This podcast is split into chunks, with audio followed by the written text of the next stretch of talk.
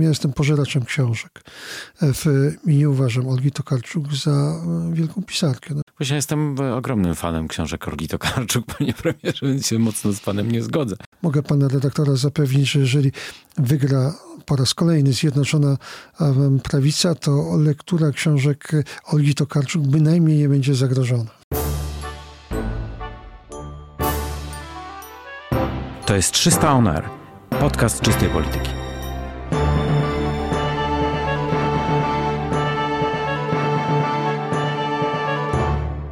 W studiu jest wicepremier Jarosław Gowin. Dzień dobry, panie premierze. Witam serdecznie.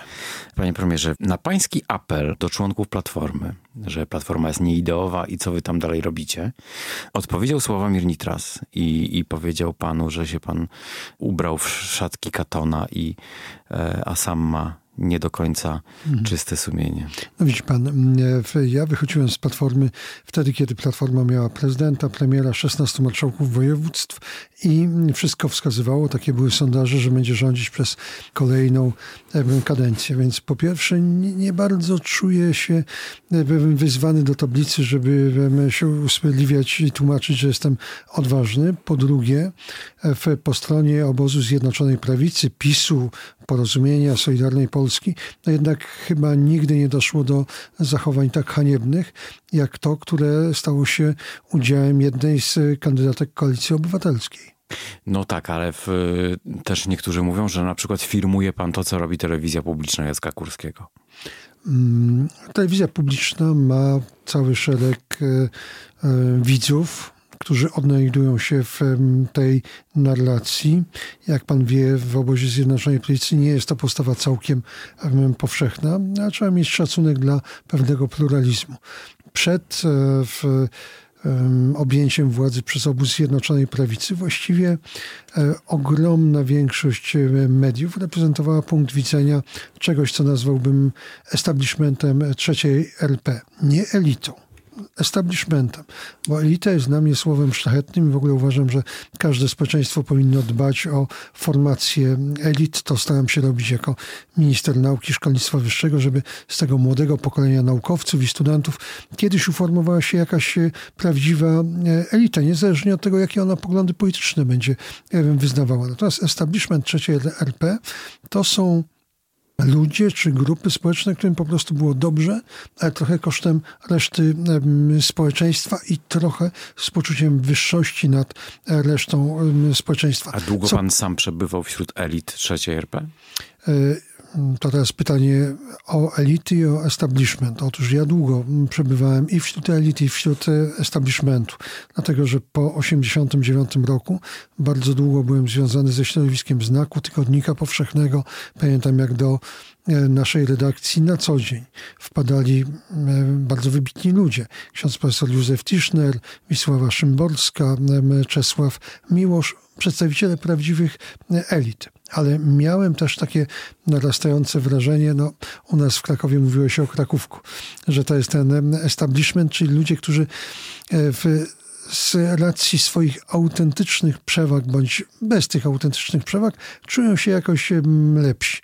I nie ukrywam, że najpierw rozeszły mi się drogi z Krakówkiem, a potem... Cat Mackiewicz pisał po Kraków i Warszawa.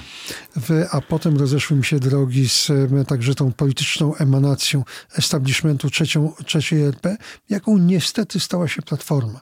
Ona nie była na początku e, formacją reprezentującą interesy establishmentu. Proszę pamiętać, że hasło czwartej Rzeczpospolitej po raz pierwszy do obiegu publicznego zostało wpuszczone przez ówczesnego Śpiewak polityka. Jan Rokita, tak. Nawet jeszcze przed Janem Rokitą Paweł Śpiewak, Dokładnie. profesor Paweł Śpiewak. Więc form, Platforma i PiS wydawały się wtedy takimi formacjami buntu przeciwko establishmentowi, a potem Donald Tusk przejął władzę nie, najpierw przegrał wybory z Lechem Kaczyńskim, doszedł do wniosku, że nie jest w stanie wygrać wyborów bez jakiegoś rodzaju koncesji na rzecz establishmentu trzeciej RP, no i tak się to już potem potoczyło.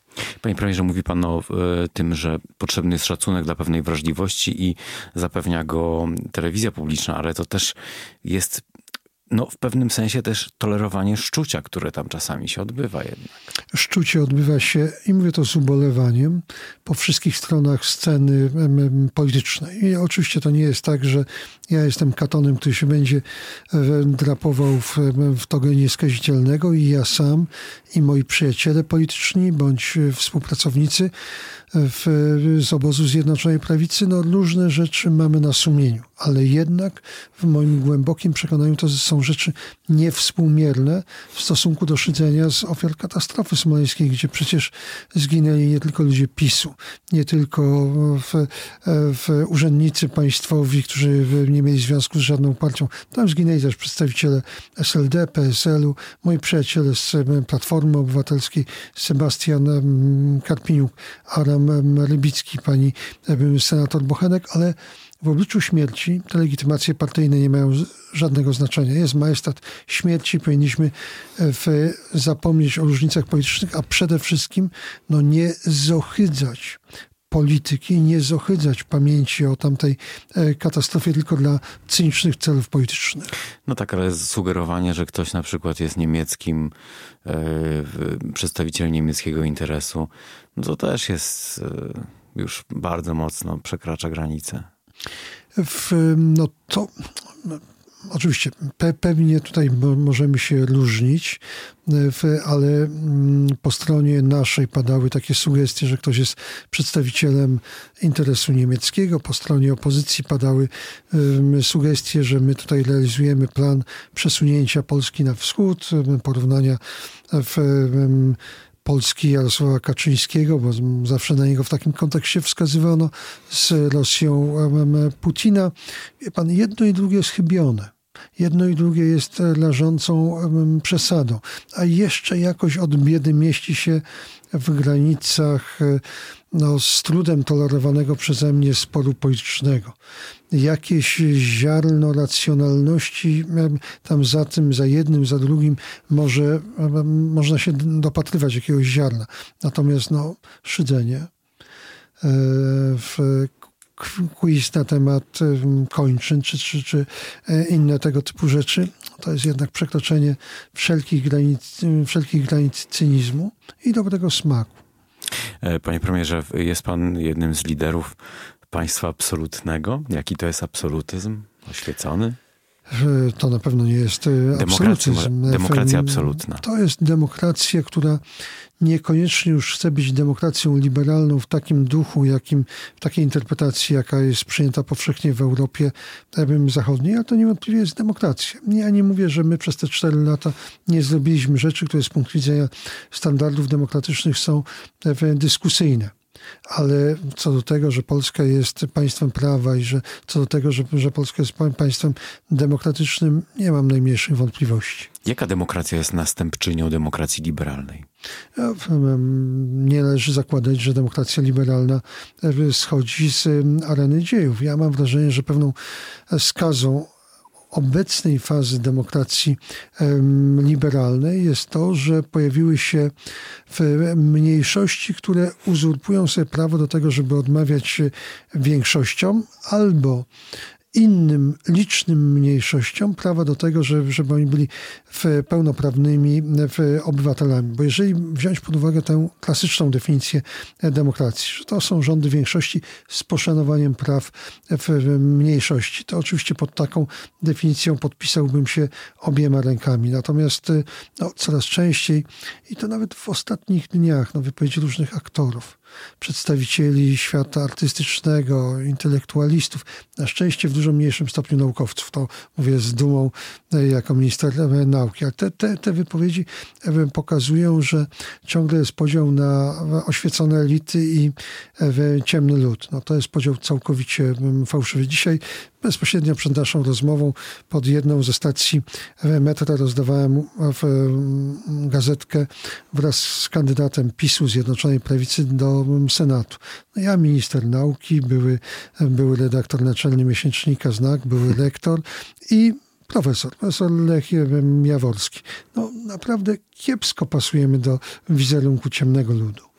E, panie premierze, e, no tak, tylko e, nie wydaje się panu, że gdyby że, że oni was Pawłowicz, a wy ich Agnieszką Holland na przykład, że to jest wszystko takie...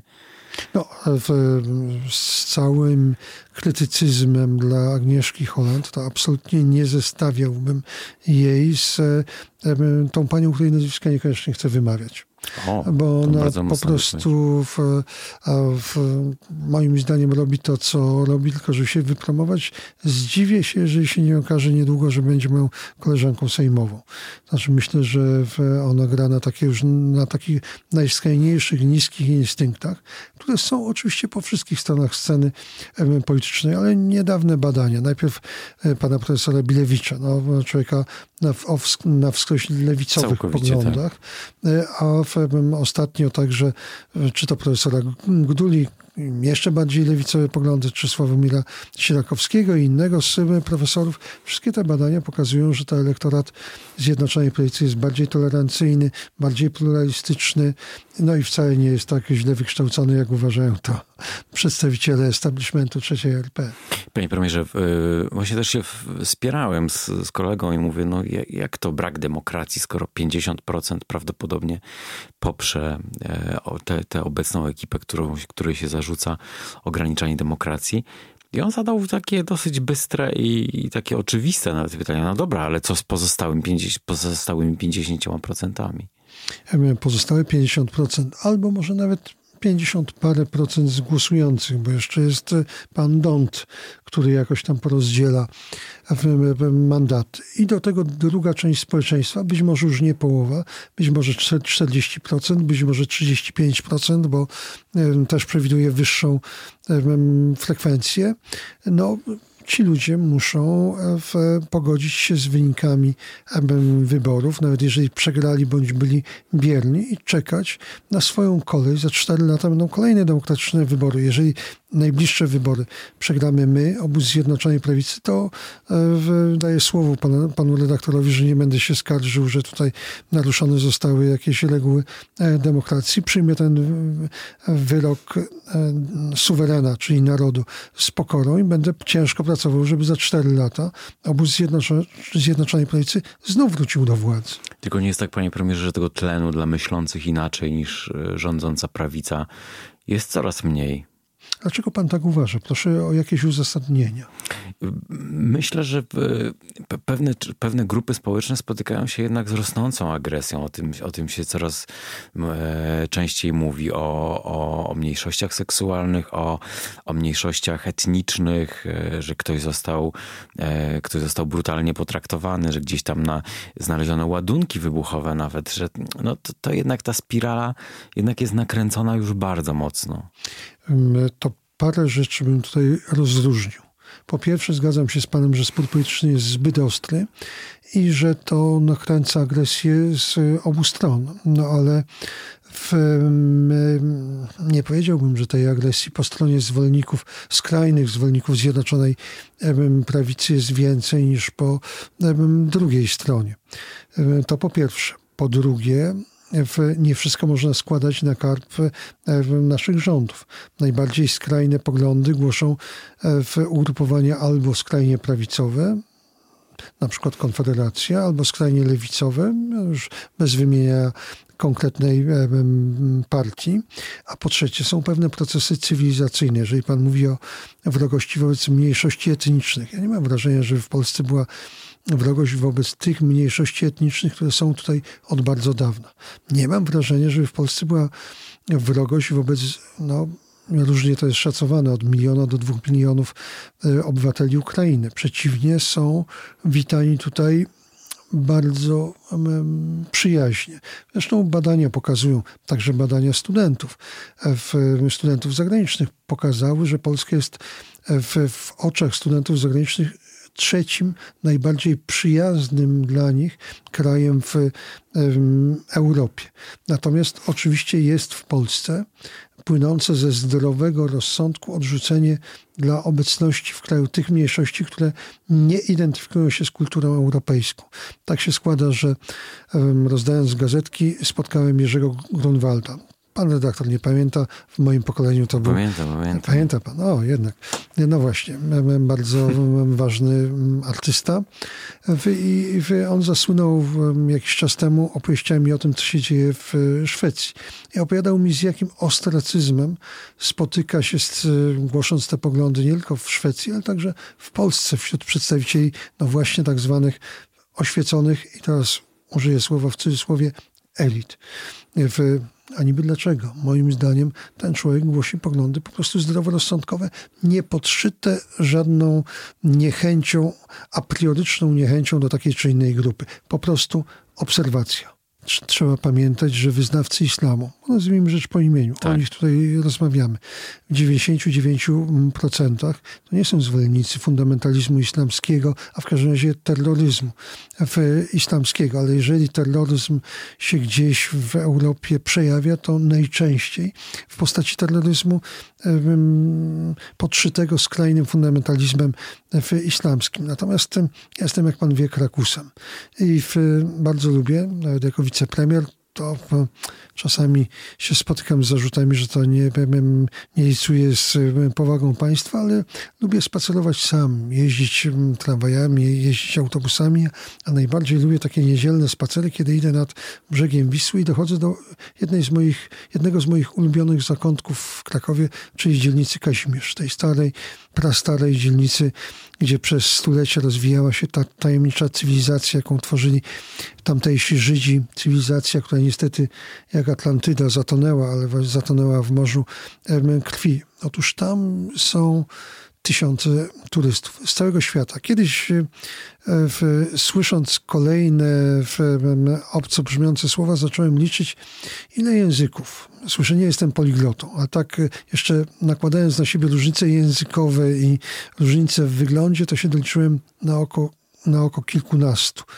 I oni się czują w Polsce po pierwsze bezpiecznie. To jest bardzo ważne, panie doktorze. Polska jest najbezpieczniejszym krajem w Europie.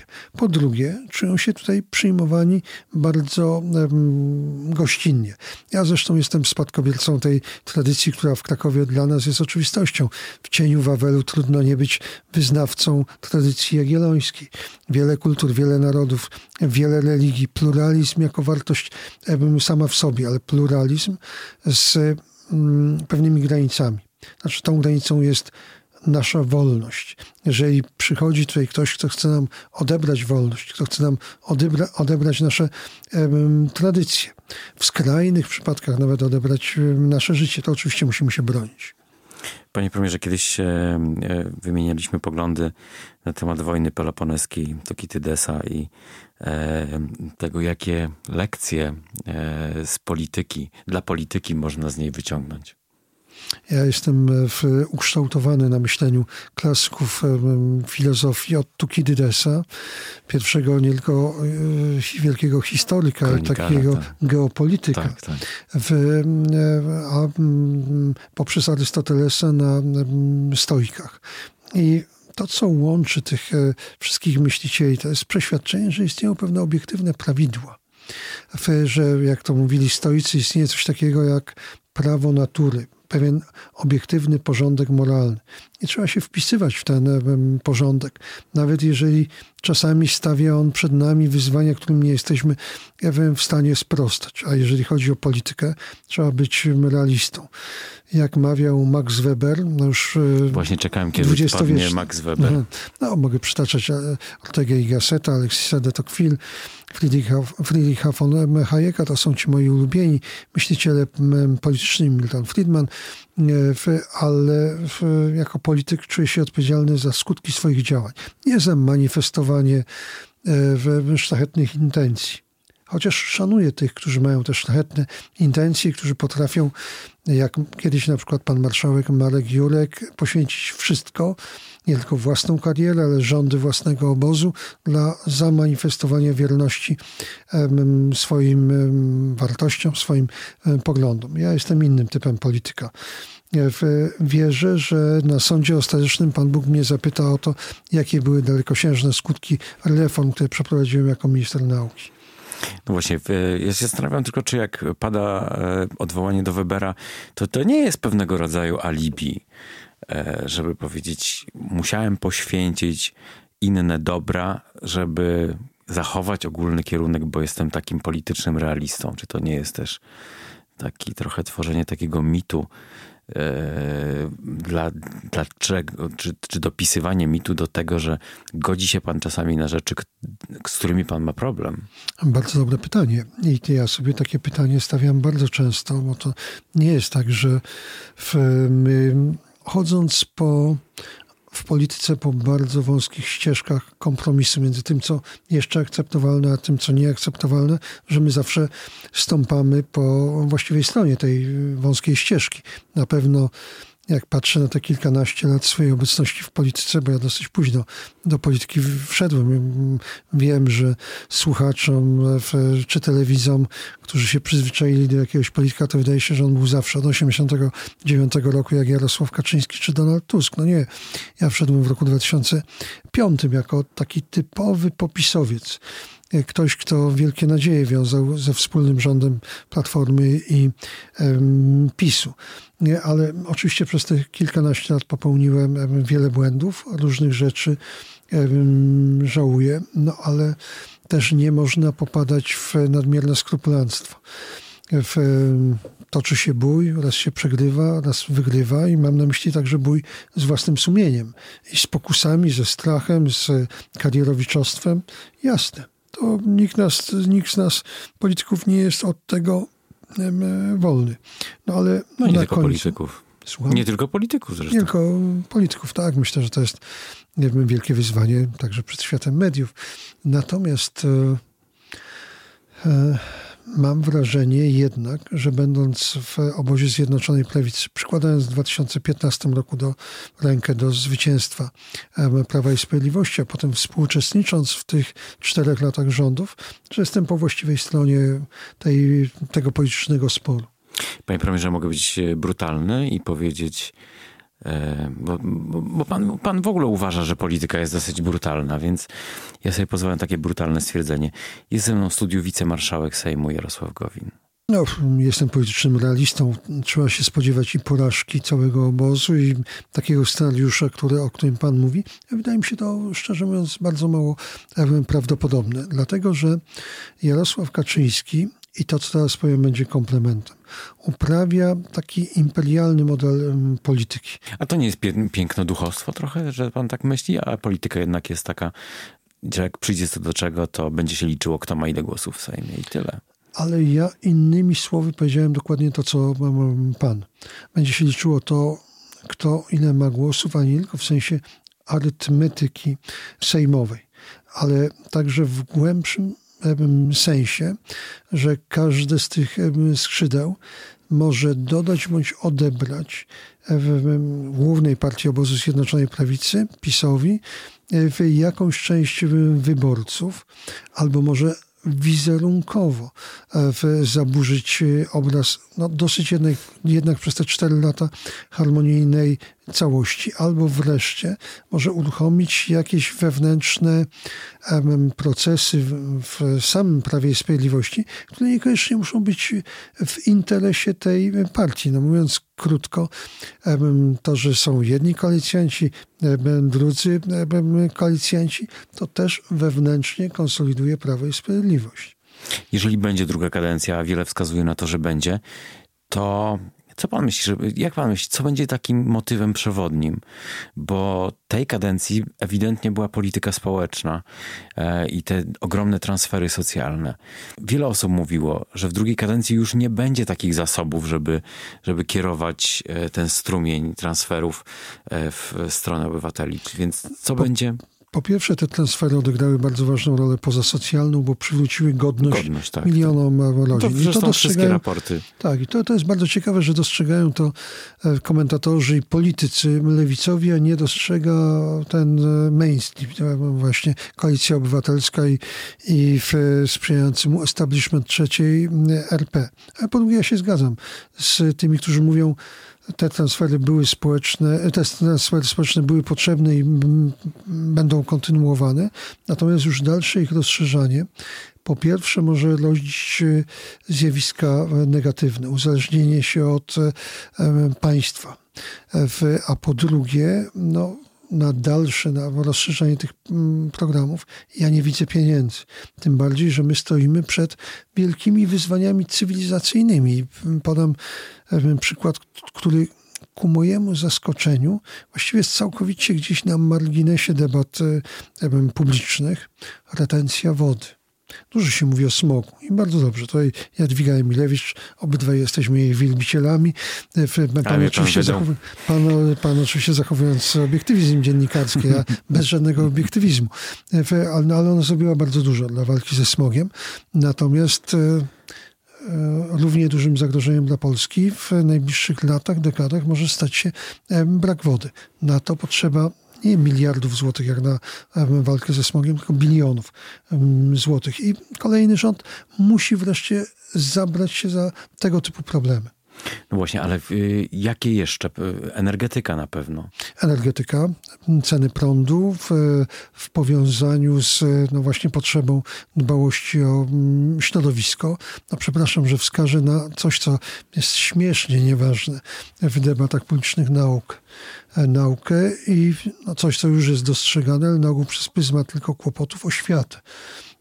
Jeżeli nie będziemy mieli lepiej kształconego w młodego pokolenia, kształconego i na poziomie oświato, oświaty szkół podstawowych, liceów, i na poziomie szkolnictwa wyższego, no to bez tego kapitału intelektualnego, który drzemie w tych młodych ludziach, to trzeba wyzwolić ten kapitał z nich, no to Polska w perspektywie następnych nastu lat nie będzie się rozwijała tak dynamicznie jak obecnie. Rozmawiałem z premierem Glińskim i on w rozmowie z czystą polityką e, rzucił takie słowa, które później obiły się szerokim echem. Zapytany o Olgę Tokarczuk, e, powiedział, że jest wybitną pisarką i że od wybitnej pisarki oczekiwałby większego zrozumienia dla potrzeb jakby większości Polaków. Nie zabrzmiało to według pana trochę jak w dawnych czasach?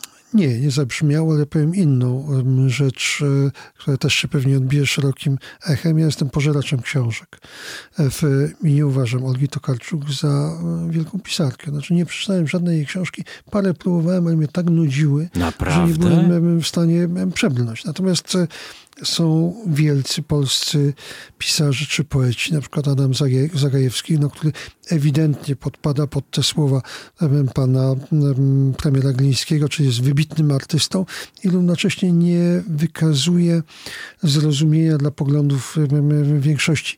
Ja interpretuję słowa pana premiera Morawieckiego, pana premiera Glińskiego w ten oto sposób. Można się zgadzać lub nie zgadzać z tak zwanymi, w cudzysłowie, przeciętnymi Polakami. Ale trzeba próbować zastanowić nad ich racjami, nad kondycją życiową, nad e, przyczynami, dla których są wierni tym wartościom, od których elity. W przypadku Adama Zagajewskiego mogę z pełnym przekonaniem mówić już nie o establishmencie, tylko o elicie, ale którym wartościom, którym elity tej wierności odmówiły. Właśnie jestem ogromnym fanem książek Olgi Tokarczuk, panie premierze, więc się mocno z panem nie zgodzę. I odczuwam ogromną dumę narodową, jaką ona dostaje, bez względu na to, jakie ma poglądy, czy ja się z nią zgadzam, czy ja się z nią nie zgadzam. E, I, i, i żałuję, że, że państwo polskie jednak nie potrafi docenić takich ludzi. Znaczy, dla mnie poglądy polityczne Olgi Tokarczuk są sprawą całkowicie drugorzędną. Dla mnie liczy się e, wartość artystyczna. No i oczywiście w, pan może się oburzać na to, że ja tej wartości nie doceniam, no ale jak zachwyca, skoro nie zachwyca, że przywołałem klaskę. No właśnie, w, bardzo cenię Gombrowicza, ale sam jestem ze szkoły Józefa Konrada. W, podziwiam w, poezję Wisławy Szymborskiej czy, czy Czesława Miłosza. Jednak tym poetą, który zawsze był mi najbliższym, był Herbert. Zbigniew Herbert. Tak, no więc to są pewne naturalne różnice wrażliwości. Pozostajemy przy swoich gustach estetycznych. Mogę pana redaktora zapewnić, że jeżeli wygra po raz kolejny Zjednoczona Prawica, to lektura książek Olgi Tokarczuk bynajmniej nie będzie zagrożona.